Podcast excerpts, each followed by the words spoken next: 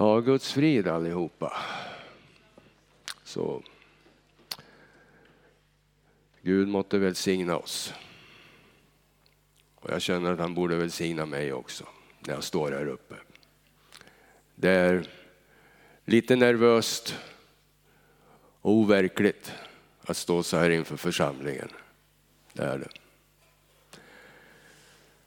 Men jag börjar med att säga att repetition, det är kunskapens moder. Repetition är kunskapens moder.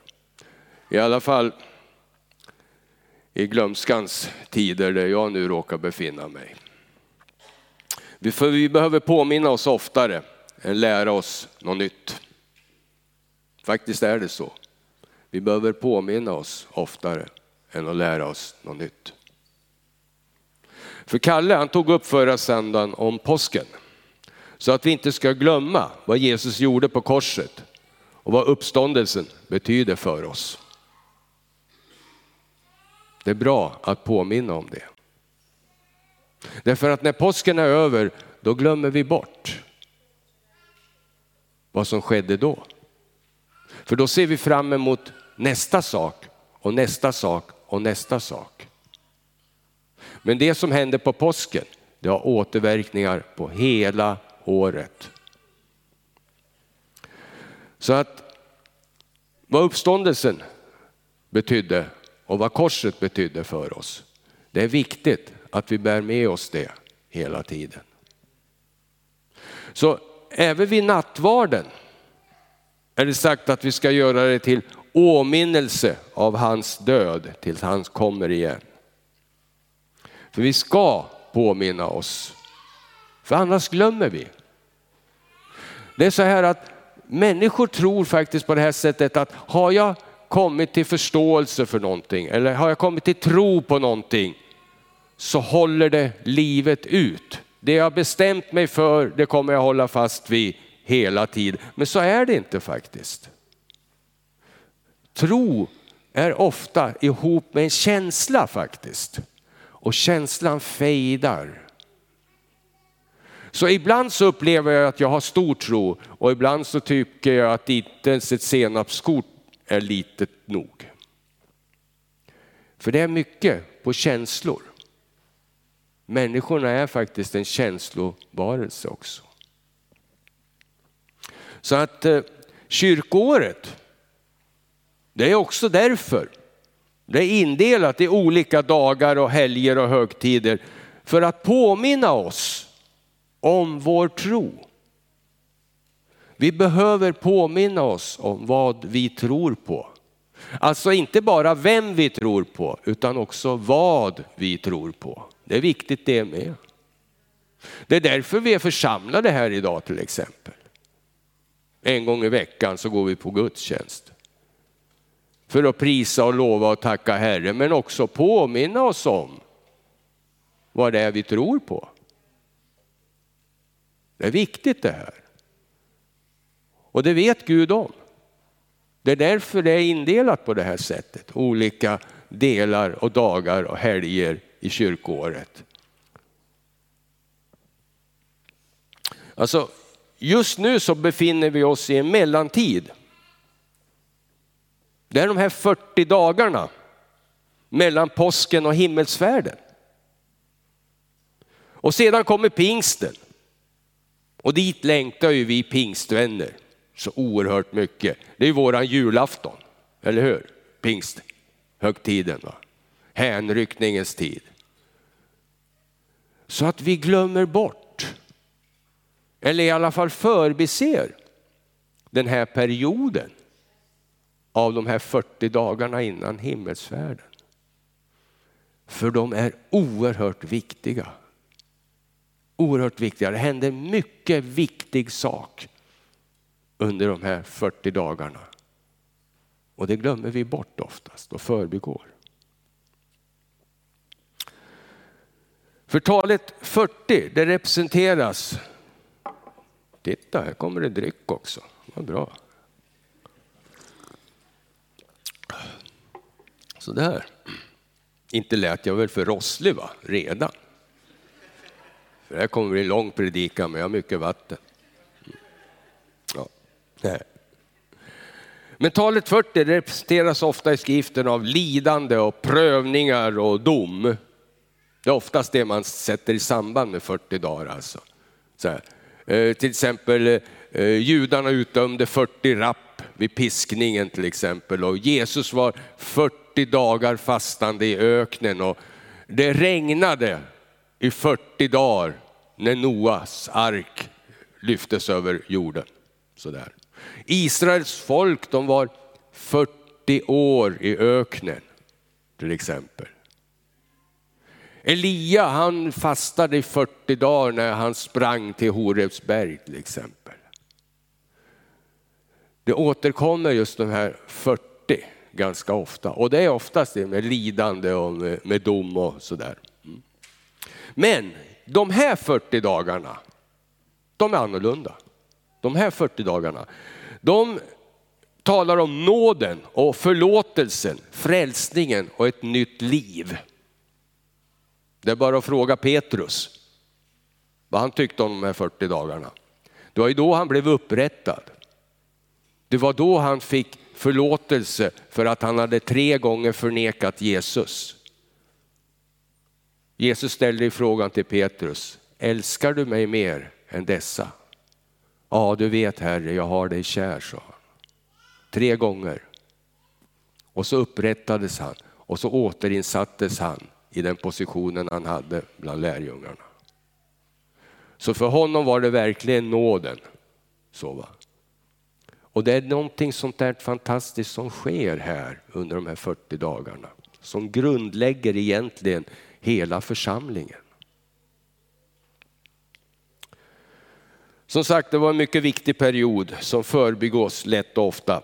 Och eftersom den benämns bara helt kort i Apostlagärningarna 1 och 3, om jag kunde få upp det här så ska ni få se. Det står det.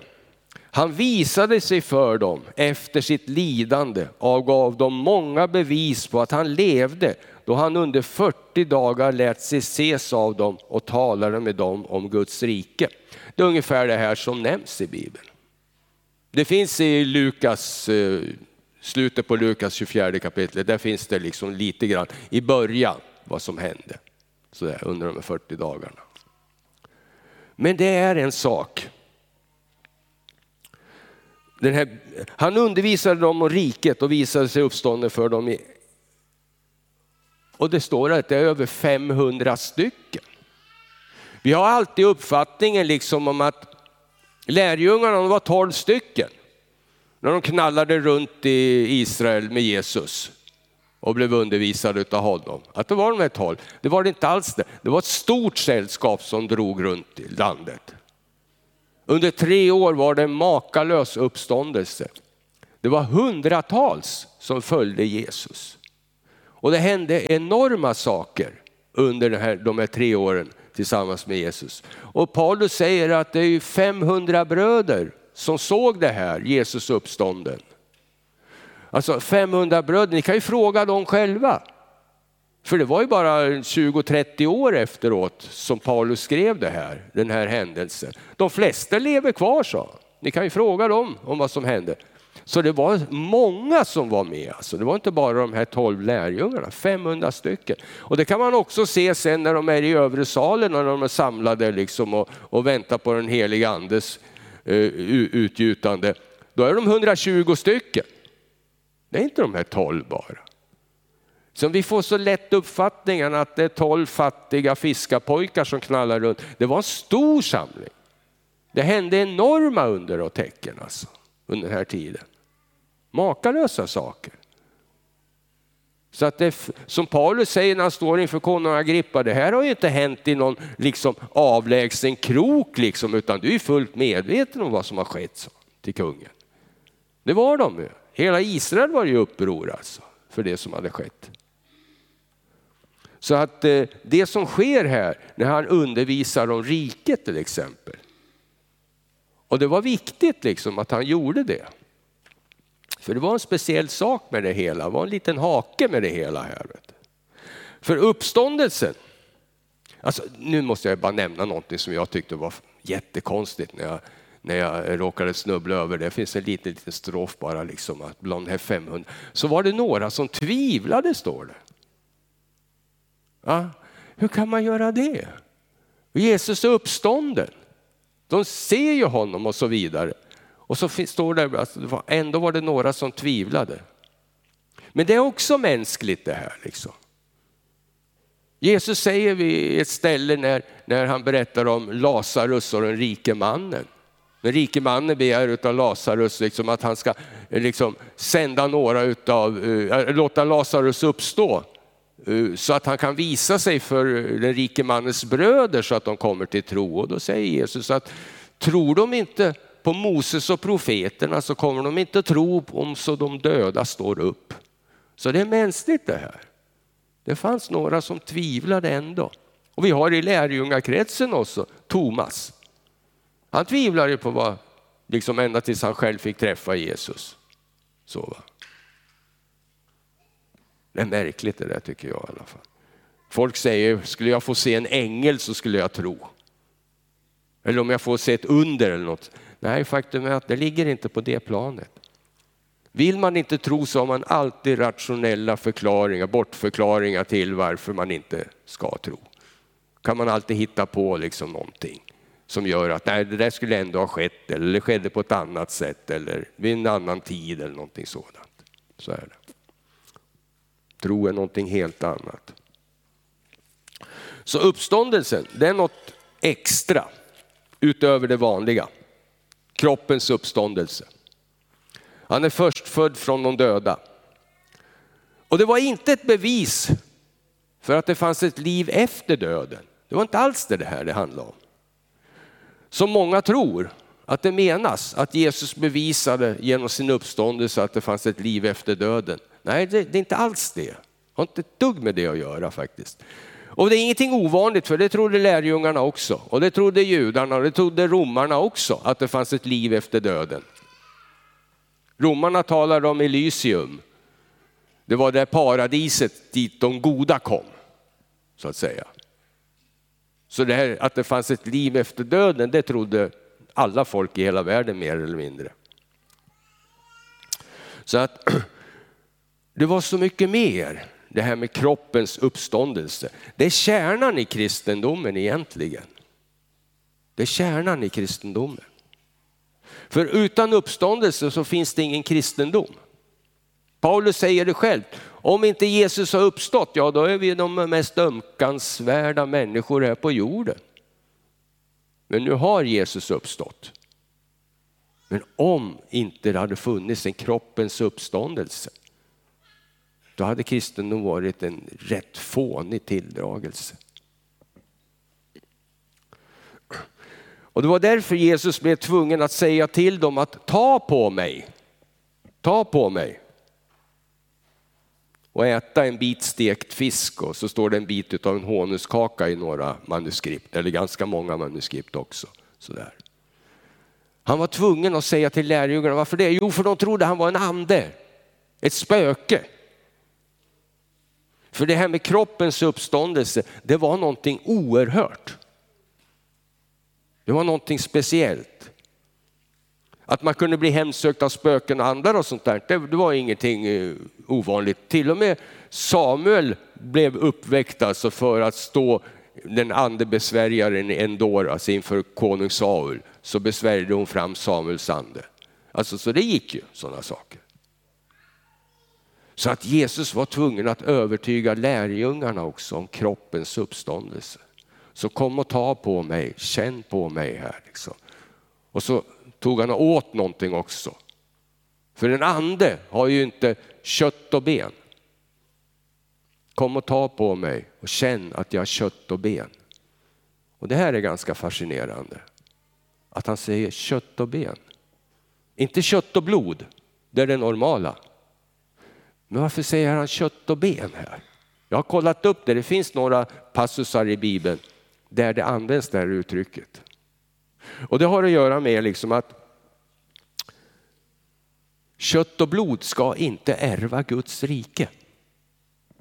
Det är så. Kött och blod ska inte ärva Guds rike. Och vi ska bli honom lika. Därför att han är livet själv. För i blodet är livet, står det. För vid uppryckandet, som inte är så värst långt borta, så. Vi är ganska nära nu om man tittar runt i hela världen. Och då talar jag inte om Jesu andra tillkommelse, för det är en helt annan sak. Utan jag talar om uppryckandet som sker före den sjuåriga vedermödan. Och vi är ganska nära där nu. Då ska, man kan läsa om det här till exempel i första Korinthierbrevets 15 kapitel där Paulus går allt ganska utförligt in och även i Thessalonikerbreven. Han går ganska utförligt in vad det här handlar om och hur det ska ske och när det ska ske. Va? Så, Så ett eh, liten rekommendation, kolla in första Korinthierbrevets 15 kapitel så ska ni få se vad som står där om uppryckande och förvandlingen. Våra kroppars förvandling. Även de döda ska få nya kroppar och det ska vi också. Vi ska få samma härlighetskropp som Jesus hade här. Till och med kanske lite bättre också, verkar det som. Mm. Vid uppryckande sker den här förvandlingen och vi får en andligt styrd kropp. Så att säga. För livet är Jesus. Jesus är livet själv. Det står att Adam blev en levande själ. Men Jesus är en livgivande ande. Gud ska vara vårat liv.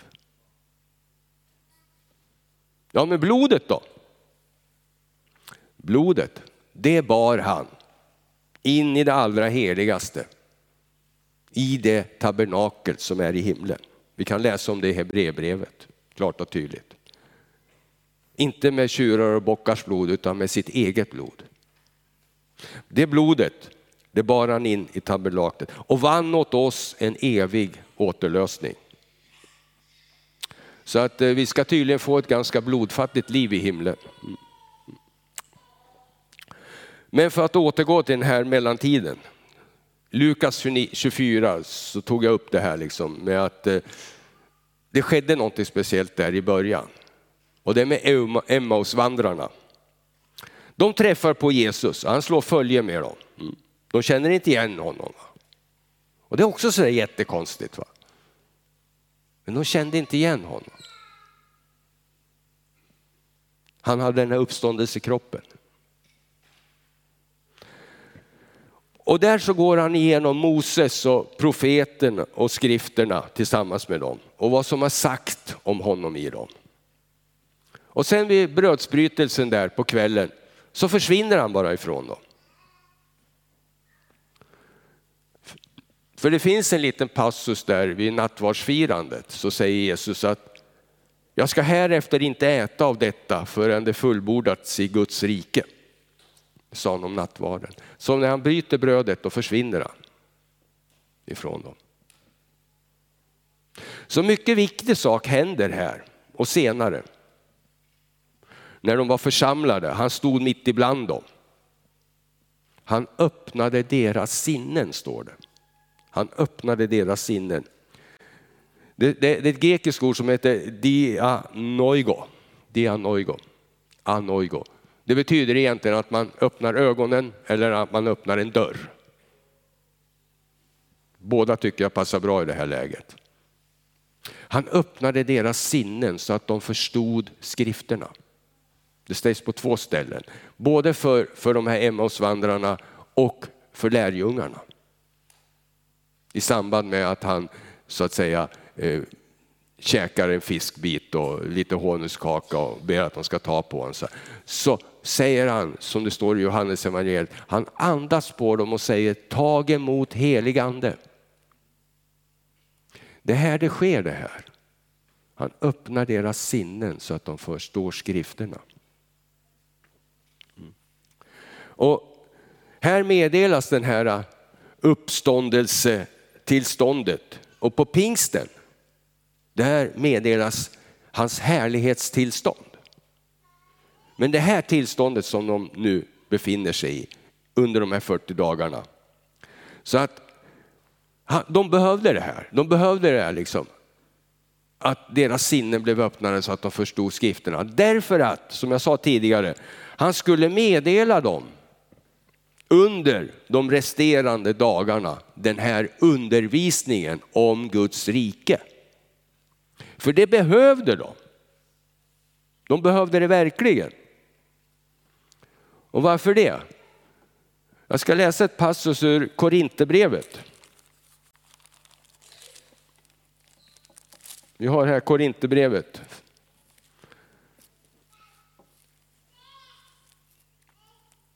2 och 14. Jag vet inte om vi kan få upp det. Första Korinthierbrevet 2.14. Ja. En oandlig människa tar inte emot det som tillhör Guds ande. Det är dårskap för henne. Hon kan inte förstå det eftersom det måste bedömas på ett andligt sätt. Den andliga människan däremot bedömer allt, men själv kan hon inte bedömas av någon. Ty vem har lärt känna Herrens sinne så att han kan undervisa honom? Men vi har Kristi sinne. Alltså, jag måste skam till säga, säga liksom att jag, de mest korkade människor jag har träffat på, det är de som inte är frälsta och försöker lägga ut Bibeln. Man måste vara frälst. För jag har träffat på högt utbildade akademiker som har försökt sig på och alltså de får det mesta om bakfoten och till och med det som de redan har om bakfoten blir ännu värre. Och jag, jag är så för, förundrad ibland för jag tänker, ja men ser ni inte vad som står där? Nej, de gör inte det. Paulus säger om judarna att täckelse hänger över deras ansikte så fort Moses föreläses. Men i Kristus tas den här täckelsen bort. Och det vi tar nästan för liksom självklart när vi blir frälsta, att vi börjar fatta vad som skriften säger. Så här, det, det, den är fullständigt stängd alltså för världen. Det måste till Guds ande och Guds uppenbarelse för att de ska fatta. Det är faktiskt så. Och faktum är att så illa var det faktiskt med lärjungarna.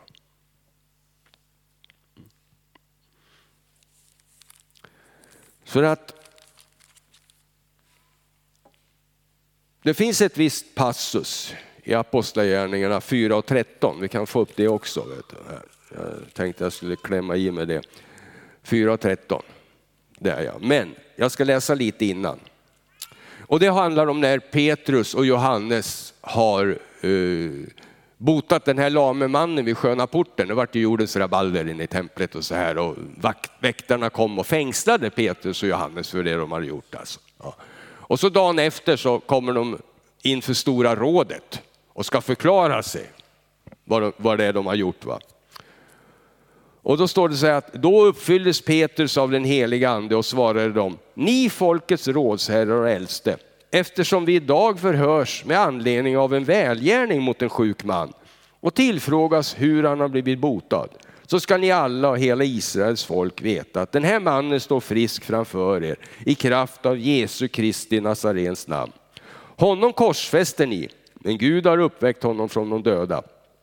Jesus är stenen som byggnadsarbetarna kastar bort, men som nu blivit en hörnsten. Hos ingen annan finns frälsningen. Inte heller finns det under himlen något annat namn som givits åt människor genom vilket vi blir frälsta, säger han alltså inför den religiösa överheten och stora rådet i Israel. Då, va? Står han bara helt frankt så här. Och när de såg hur frimodiga Petrus och Johannes var och märkte att de var olärda män ur folket, blev de förvånade. Men så kände de igen dem och kom ihåg att de hade varit tillsammans med Jesus. Och det här var ju helt fel. Det här var ju helt fel. Det är det som är så häftigt. Därför att sanningen, det var ju den att de hade inte fattat ett dugg. Lärjungarna hade inte begripit ett smack utan de här tre årens vandring med Jesus. Det var ju så att Jesus till och med tappade tålamodet med dem. Flera gånger så sa han, ja men har ni inte begripit någonting än? Har ni inte fattat? Och de bara, nej, det har jag inte gjort. Och det var hela tiden som de missförstod saker och ting. Va? Så det här som rådsherrarna, att de hade vandrat med Jesus, att det var det som hade gjort att de, fattade, det var inte alls så. Det var ju tvärtom egentligen. De hade inte fattat ett dugg. Utan, tänk er vandra tre år tillsammans med Jesus utan att begripa vad det hela handlar om. Va? Människan är bra förstockad. Va? Det är så. Vi kanske tycker liksom att, ja, men det, tänk att få vandra med Jesus i tre år, vilken grej. Va? Ja. Vi hade begripit, men vi är en helt annan sits än de var, lärjungarna. Och ingen av dem var utvalda precis för att vara så där kanske jättesmart heller. Va? Utan det var en salig blandning. Ja. Men de hade inte fattat någonting. Och då ska ni veta vad de hade varit med om. För det här är ganska roligt när man börjar tänka efter. Liksom. Vad hade de varit med om under de här tre åren? Jo, de hade sett alla under och tecken som han gjorde va? under tre år. Och det var det jag sa, liksom, att det var stort sällskap som drog runt i Israel. Liksom, Men läser ni skriften, läser ni evangelien så ser ni alltså varje by de kom in i, va? så la de ut sina sjuka i byarna och han botade alla. Det står på flera ställen, alla. Det var inte så här liksom att vi läser, han botade en blind och en döv och en spetälsk. Det var tusentals. Hela tiden under tre års tid. Ni förstår alltså att det, det var uppståndelse i Israel. Liksom, hela tiden under och tecken konstant. Det som vi har utvalt i Bibeln, och det står också i Johannes evangelium, om vi skulle skriva upp allt Jesus gjorde skulle inte alla böcker i hela världen räcka till. Det skedde hela tiden under och tecken liksom. Va? Så de häpnade. Och demoner drevs ut konstant och de skrek demonerna, vi vet vem du är, du är, du är Guds son och sådär. Och det var inte bara en och två gånger utan det var hela tiden. Man tänker efter, hur mycket demonbesatta människor fanns det egentligen i Israel? Man tycker nästan varenda kotte var det mer eller mindre. Det var hela tiden alltså. Så. Det hade de fått vara med och se allt det här. Va? Jag tycker en otroende som jag, en ängel skulle jag kunna få se. Kan jag, kan jag tro. Liksom, här, lärjungarna såg det här varenda dag. Dag ut och dag in. Det var nästan som kanske tröttnar lite på under och tecken. Va? Jag vet inte, men i alla fall. Det var som vardagsmat för dem. Vet du. Jaha, nu vart det en lam hela. Ja, det vart en blind. Ja, kolla, en spetälsk. Och det står när de spetälska blev renade, helade. Det var inte så att de blev läkta utan de fick nya lemmar. Det hände ganska makalösa saker. De skriver om Paulus.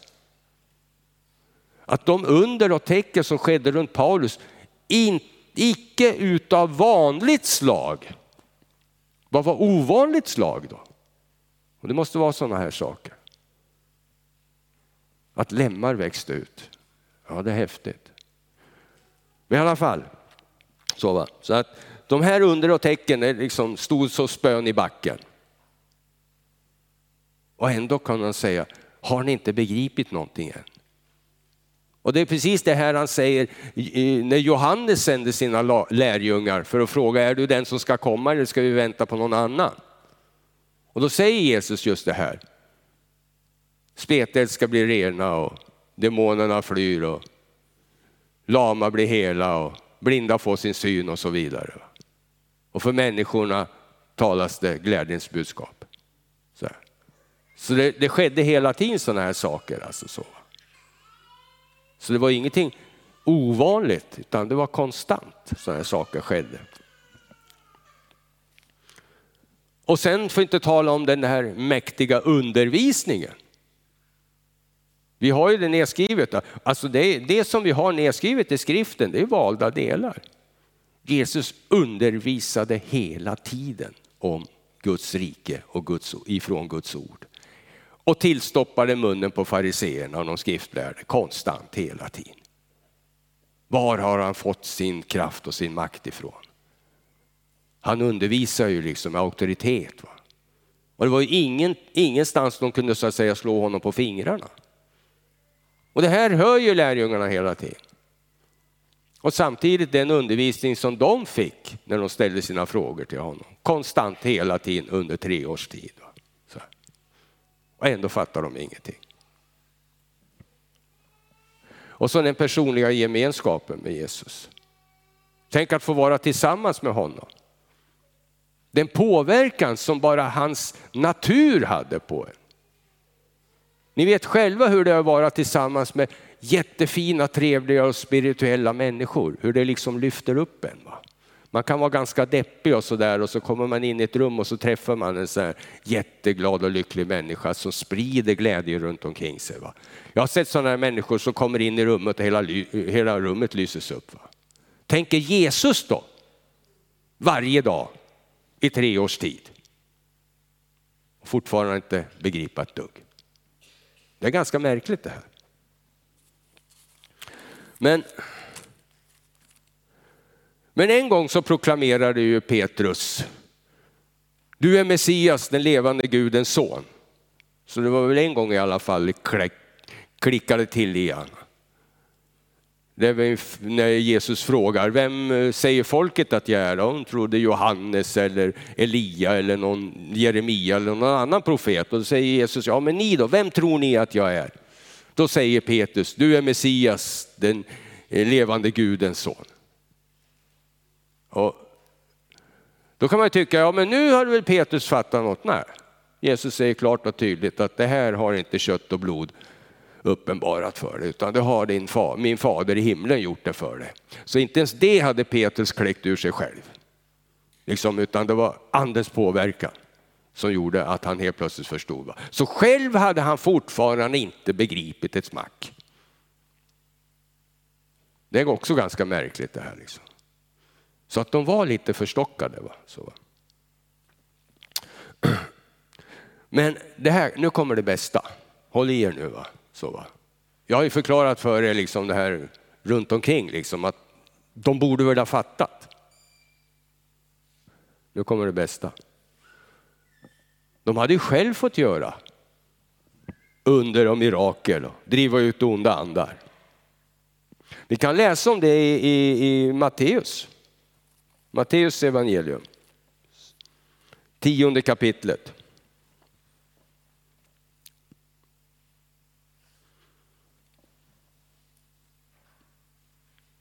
Jesus sänder iväg de tolv.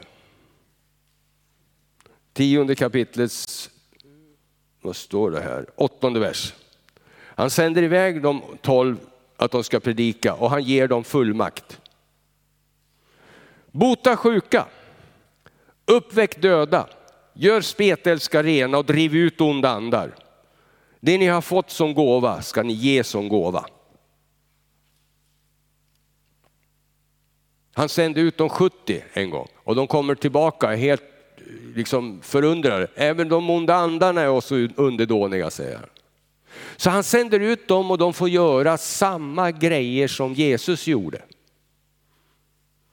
Till och med uppväcka döda står det. Nu finns det inte belägg för att de gjorde det. Va? Men Jesus skulle aldrig sagt det ifall inte det vore möjligt. Eh, Petrus gjorde det senare uppväckte eh, Dorcas, Tabita. Och det är ganska kul där liksom därför att han var ju med när Jesus uppväckte Jairus dotter. Och då säger han på arameiska när han uppväcker Talita kumi. Det betyder lilla flicka stå upp. Det här kom Petrus ihåg, så han sa nästan samma sak. Han sa Tabita kumi. Han bytte bara ut en bokstav, men det funkar. Så, så Petrus var också med och väckte upp en död där.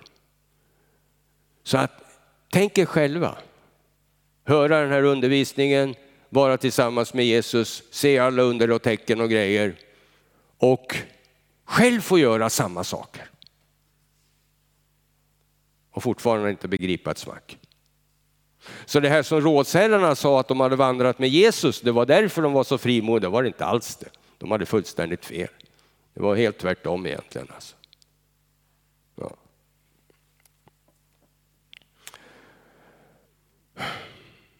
Och även in i det sista. Tänker även in i det sista. Vid nattvarden.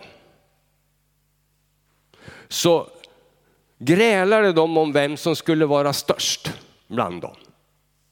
Ända in i det sista så grälade de om vem som skulle vara störst och finast plats i himmelriket och allt det här. Liksom. Till och med deras morsor kom och ville liksom tala om att de skulle ha de bästa platserna, sitta till höger och vänster och så vidare till Jesus. Det är därför vi har fotvagningen här. Därför att när man samlades till en måltid så hade man alltid en slav som tvättade fötterna innan man la sig till bords. Va? Därför att man vill inte ha sin grannes fötter upp i ansiktet eller något sånt där vet du, som luktade kyrkogård. Så man hade alltid en slav som tvättade fötterna åt den. Och det var så illa så att det var inte en judisk slav som behövde göra det. Det var under hans värdighet. Utan det var en hednisk slav som skulle göra det. Så att ingen av de här lärjungarna tog och tvättade någon annans fötter. De ansåg inte att de var värdiga att göra det. Så de la sig med skitiga fötter runt borden. Det var därför Jesus blev tvungen att gå upp och tvätta deras fötter. Som en hednisk slav, det lägsta utav allt det lägstaste. Lägstaste, finns det något ord som heter det? Ja, tydligen. Mm. I alla fall, så är det. Alltså, ända in i det sista. Så ni förstår, de här tre åren hade de inte begripit någonting vad det hela handlade om. De hade sina egna idéer och sina egna premisser och sina, e-, sina egna grejer hela tiden, konstant. Visst är det märkligt? Jag tycker det är jätteknepigt att det kan vara så förstockat. Så att så här illa var det. Så det är inte undra på att de behövde få sina sinnen öppnade, sina ögon öppnade för vad skriften hade att säga om det här. Därför att det var ju det här som Jesus skulle undervisa dem om, om de här 40, under de här 40 dagarna, om Guds rike och allting. Så de behövde få sina sinnen öppnade så att de förstod. För Jesus hade försökt i tre års tid och de hade inte förstått ett smack. Och nu hade han bara 40 dagar på sig. Så det måste ju hända någonting. Så att de kunde ta emot det här. Och som sagt var, det var inte bara de 12 utan det var hela lärjungaskaran, över 500 stycken. Som fick sina sinnen öppnade för vad skriften har att säga och vem Jesus var och få se honom uppstånden och begripa vad det hela handlar om. Så det var tvunget det här. Och det är det som sker här i början på de här mellandagarna. Att de får sina sinnen öppnade så att de förstår skrifterna.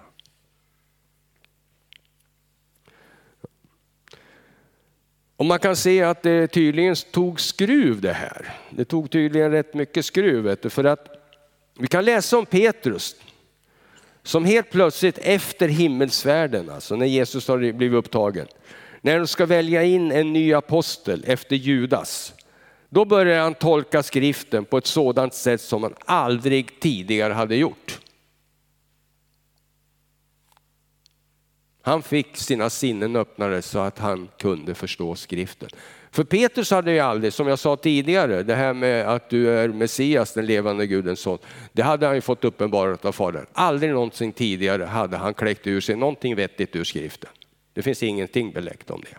Men helt plötsligt här, då börjar Petrus att tolka skriften och sätta den i samband med vissa saker och kunna se vad det handlar om. Så, och det är när, det är när, eh, när eh, eh juda, eh, när, när, när de ska välja en eh, eh, efterträdare till eh, Judas. Och det har vi i Apostlagärningarna 1, 12 till 22. Det blir ett lite längre stycke jag ska läsa här. Vet du. 12. Apostlakretsen blir fulltalig. Då vände de tillbaka till Jerusalem från det berg som kallades Oljeberget och som ligger nära staden, en sabbatsväg därifrån, det är ungefär en tusen meter, en kilometer. Och när de kom dit gick de upp till rum i övre våningen där de brukade uppehålla sig Petrus, Johannes, Jakob, Andreas, Filippus, Thomas, Bartolomeus, Matteus, Jakob, Alfus son, Simon ivraren och Judas, Jakobs son. Alla dessa höll, höll endräktigt ut i bön tillsammans med några kvinnor, bland dem Jesu mor Maria och vidare hans bröder. Han hade visat sig för sina bröder, han hade fyra bröder. Det var Jakob och Josef och Simon och Judas. Han hette faktiskt också Judas. Men i alla fall, eh, de hade kommit till tro. Så. Och det här är en intressant passus. Ni ser att Maria var med i bönerna också där. Och hon bad. Det var ingen som tillbad henne. Det här med katolikerna som tillber Maria. Maria tillbads inte. Hon var med i bönerna tillsammans med de andra på samma plan. Det var ingen som tillbad Maria. Utan Maria tillbedjan, det började inte förrän ungefär år, någonstans vid 400-430 någonstans där. Så kom det ett, ett koncilium i Efesos där, där, där man eh, sa att hon var gudaföderska, Theotokos. Det betyder liksom att hon födde en gud, alltså var hon vördnadsvärd, vördnadsbjudande och skulle tillbedjas. Så kristendomen har börjat spåra ganska friskt på det området. Och det var ju man började tillbe helgon och allting. Och så här. Men det fanns redan reminiscenser redan i Kolosserbrevet kan man läsa om det. Man började tillbe änglar och allt möjligt sånt där tjosan. Ja. Men ingen tillbad Maria. Så. Det är ganska intressant. Bibeln vederlägger ofta dumheter. En av de dagarna trädde Petrus fram bland bröderna. Omkring 120 personer var samlade. Så det var inte bara de här 12, utan 120. Så. Mina bröder, det är ord i skriften som måste uppfyllas, som den heliga ande genom Davids mun hade förutsagt om Judas. Han som blev vägvisare åt de som grep Jesus. Här kunde han se. Helt plötsligt kan Petrus se vad skriften pekar på. Den som hade varit en sluten bok för honom var öppen nu.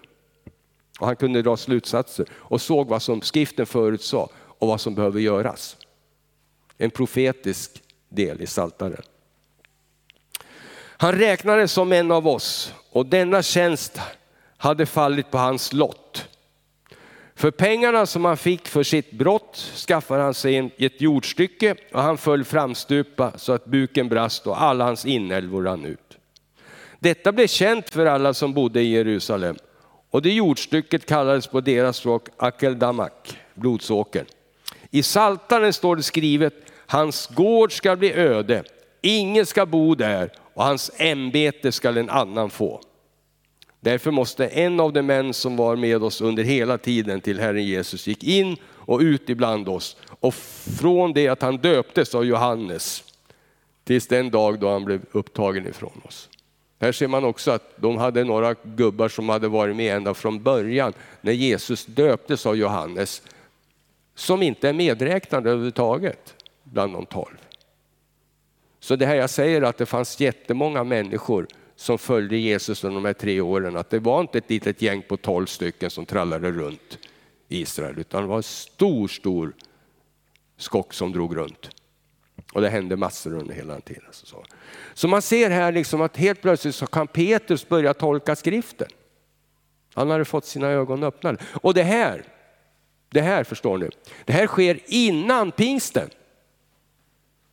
Så det är inte att den heliga ande på något sätt hade fallit över honom eller någonting på det sättet liksom som det skedde vid pingsten. Utan det här skedde innan pingsten. Så.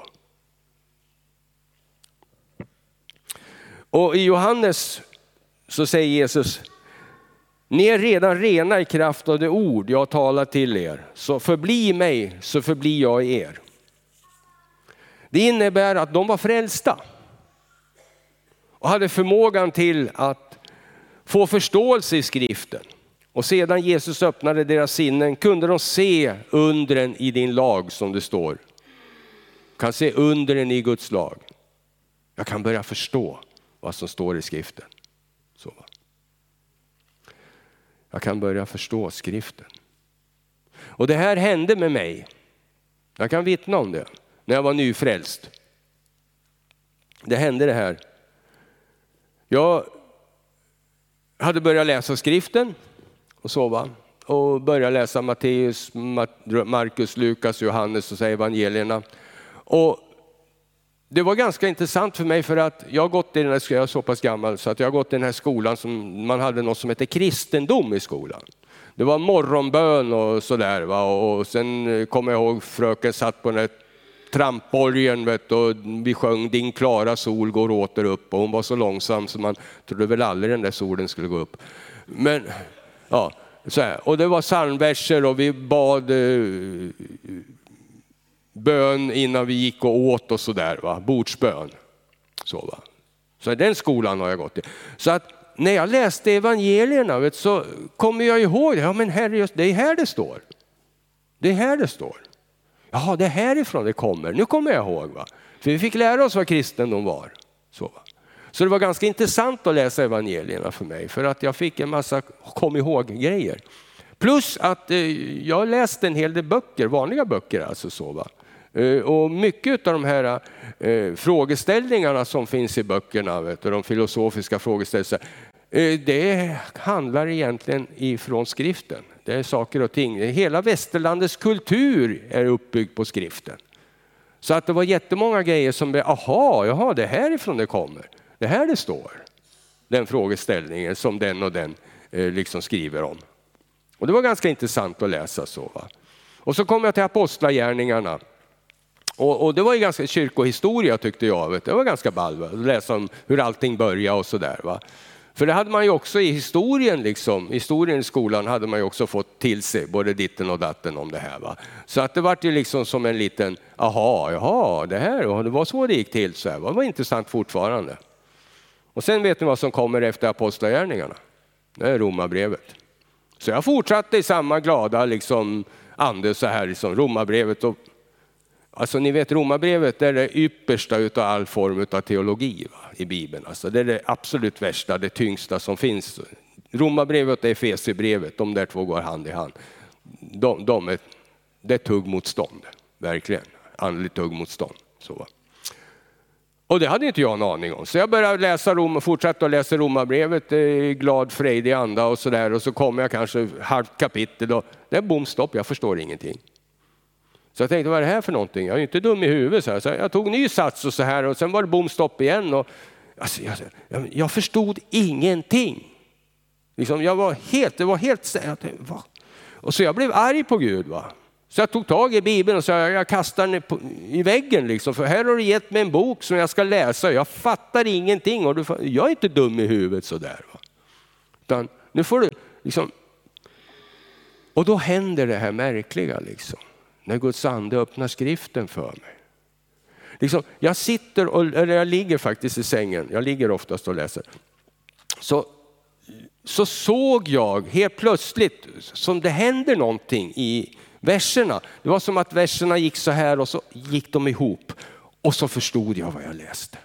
Helt plötsligt fattade jag vad jag läste. Så här. Och jag läste ett par verser och så skrattade jag. Och jag läste ett par verser och så grät jag. Och så läste jag ett par verser och så skrattade jag.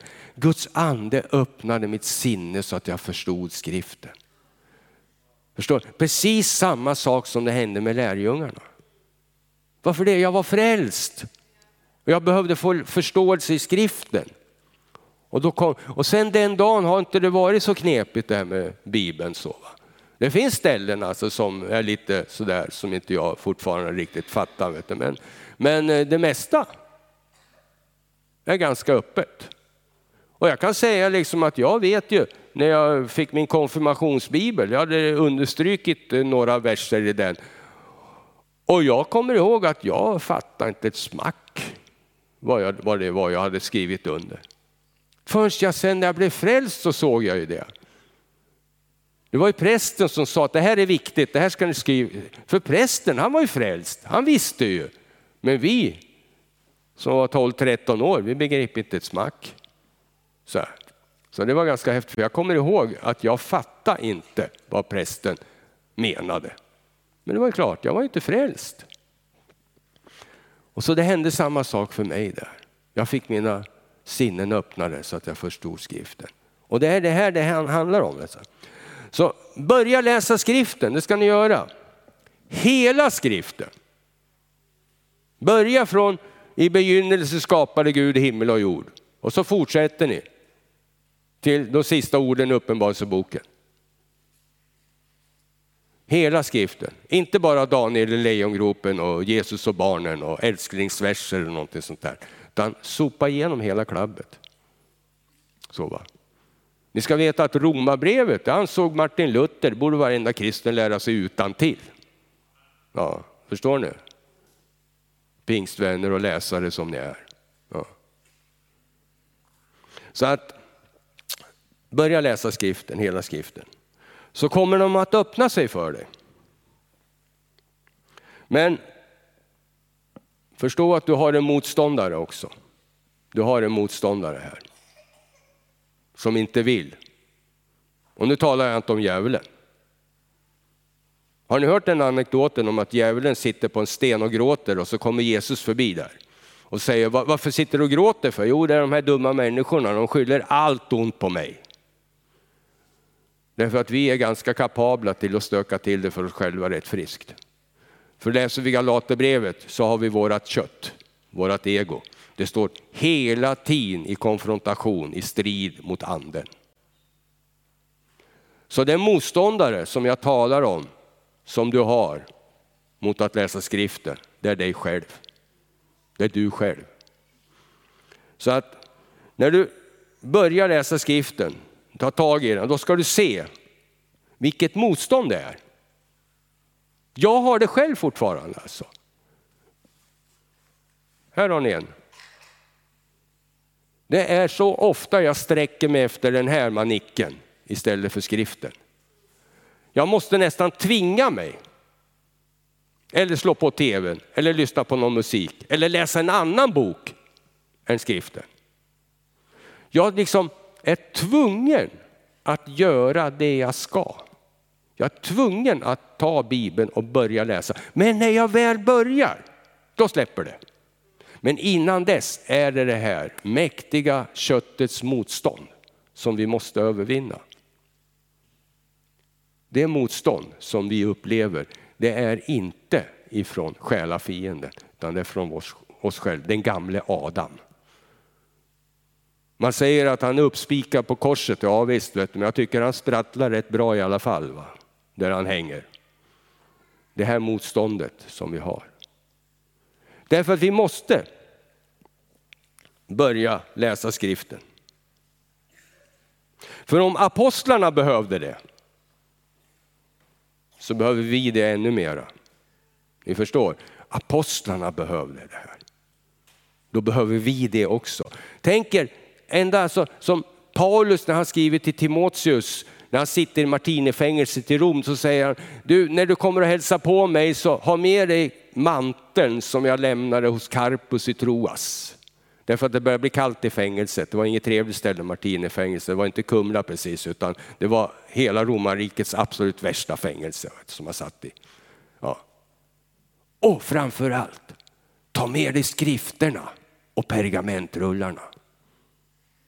Varför det? Paulus var farisé, han kunde skriften utan till. Jo visst, men det är någon annan sak att ha det i huvudet och läsa skriften. Det är då det händer grejer, när du läser skriften. Behövde Paulus det, så behöver vi det ännu mer, läsa skriften. Det här visste Paulus om. Därför han ville ha, hämta, ta med dig skriften åt mig. Mm. Därför att vi lever i den yttersta av yttersta tider. Det är inte så värst lång tid kvar som jag är inne på förut. Vi kan titta runt omkring i världen. Vet du, alltså. Och se, tidtecknet visar att Jesus är nära. Det är sant. Det är inte lång tid kvar. Och det Jesus säger till lärjungarna när han sitter på Oljeberget och börjar undervisa dem om eskatologin, vad som kommer att hända i framtiden. så här liksom. Lärjungarna säger, berätta för oss, vad kommer att ske i framtiden? Då säger Jesus det. Då börjar han, det första han säger, låt ingen bedra er. Låt ingen bedra er. Innan han överhuvudtaget börjar berätta någonting, låt ingen bedra er. Se till att ingen bedrar er. För vi kan bara bemöta den här villolärans ande med kunskap i skriften. Det ser man. Jesus bemötte djävulen med enbart med skriften och ingenting annat. Det var det enda Jesus använde, skriften. När han hade varit i öknen i 40 dagar och blev hungrig, då kommer djävulen och börjar fresta honom. Och bland annat så säger djävulen en sak till honom att kasta dig ner härifrån templet. För det står ju skrivet. Och jag ska läsa för er. Tänk att djävulen använder Bibeln. Ty han skall ge sina änglar befallning om dig att bevara dig på alla dina vägar.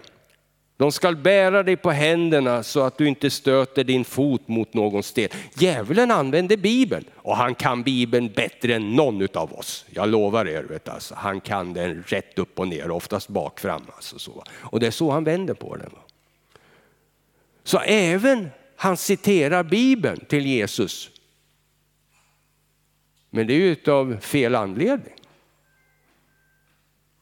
Och då svarar Jesus med ett bibelord ifrån Moseboken. Du skall inte fresta Herren din Gud. Så det är det enda som biter. Det är det enda som biter emot villolärans ande. Det är skriften. Och hur ska vi kunna använda den om vi inte har kunskap i vad skriften säger? Det är det enda som biter. Därför att villolära idag, han omskapar sig till ljusets ängel. För att vi ska kunna skilja. Nu finns det, det, det finns en nådegåva som heter skilja mellan andar. Men för var och en kristen så ska vi kunna avgöra vad som är rätt och falskt. Det ska vi kunna göra.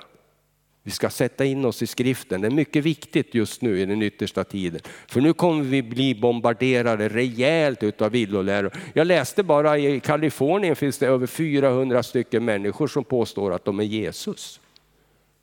Och de har sina efterföljare. Mycket märkligt. Så, Så att läs skriften. Återigen så säger jag läs skriften. För det är en passande tid för det. För då är det i alla fall i takt med apostlarna, för det var just under den här tiden de fick det här. Så. Och när du börjar läsa skriften så kommer det också öppna sig för dig.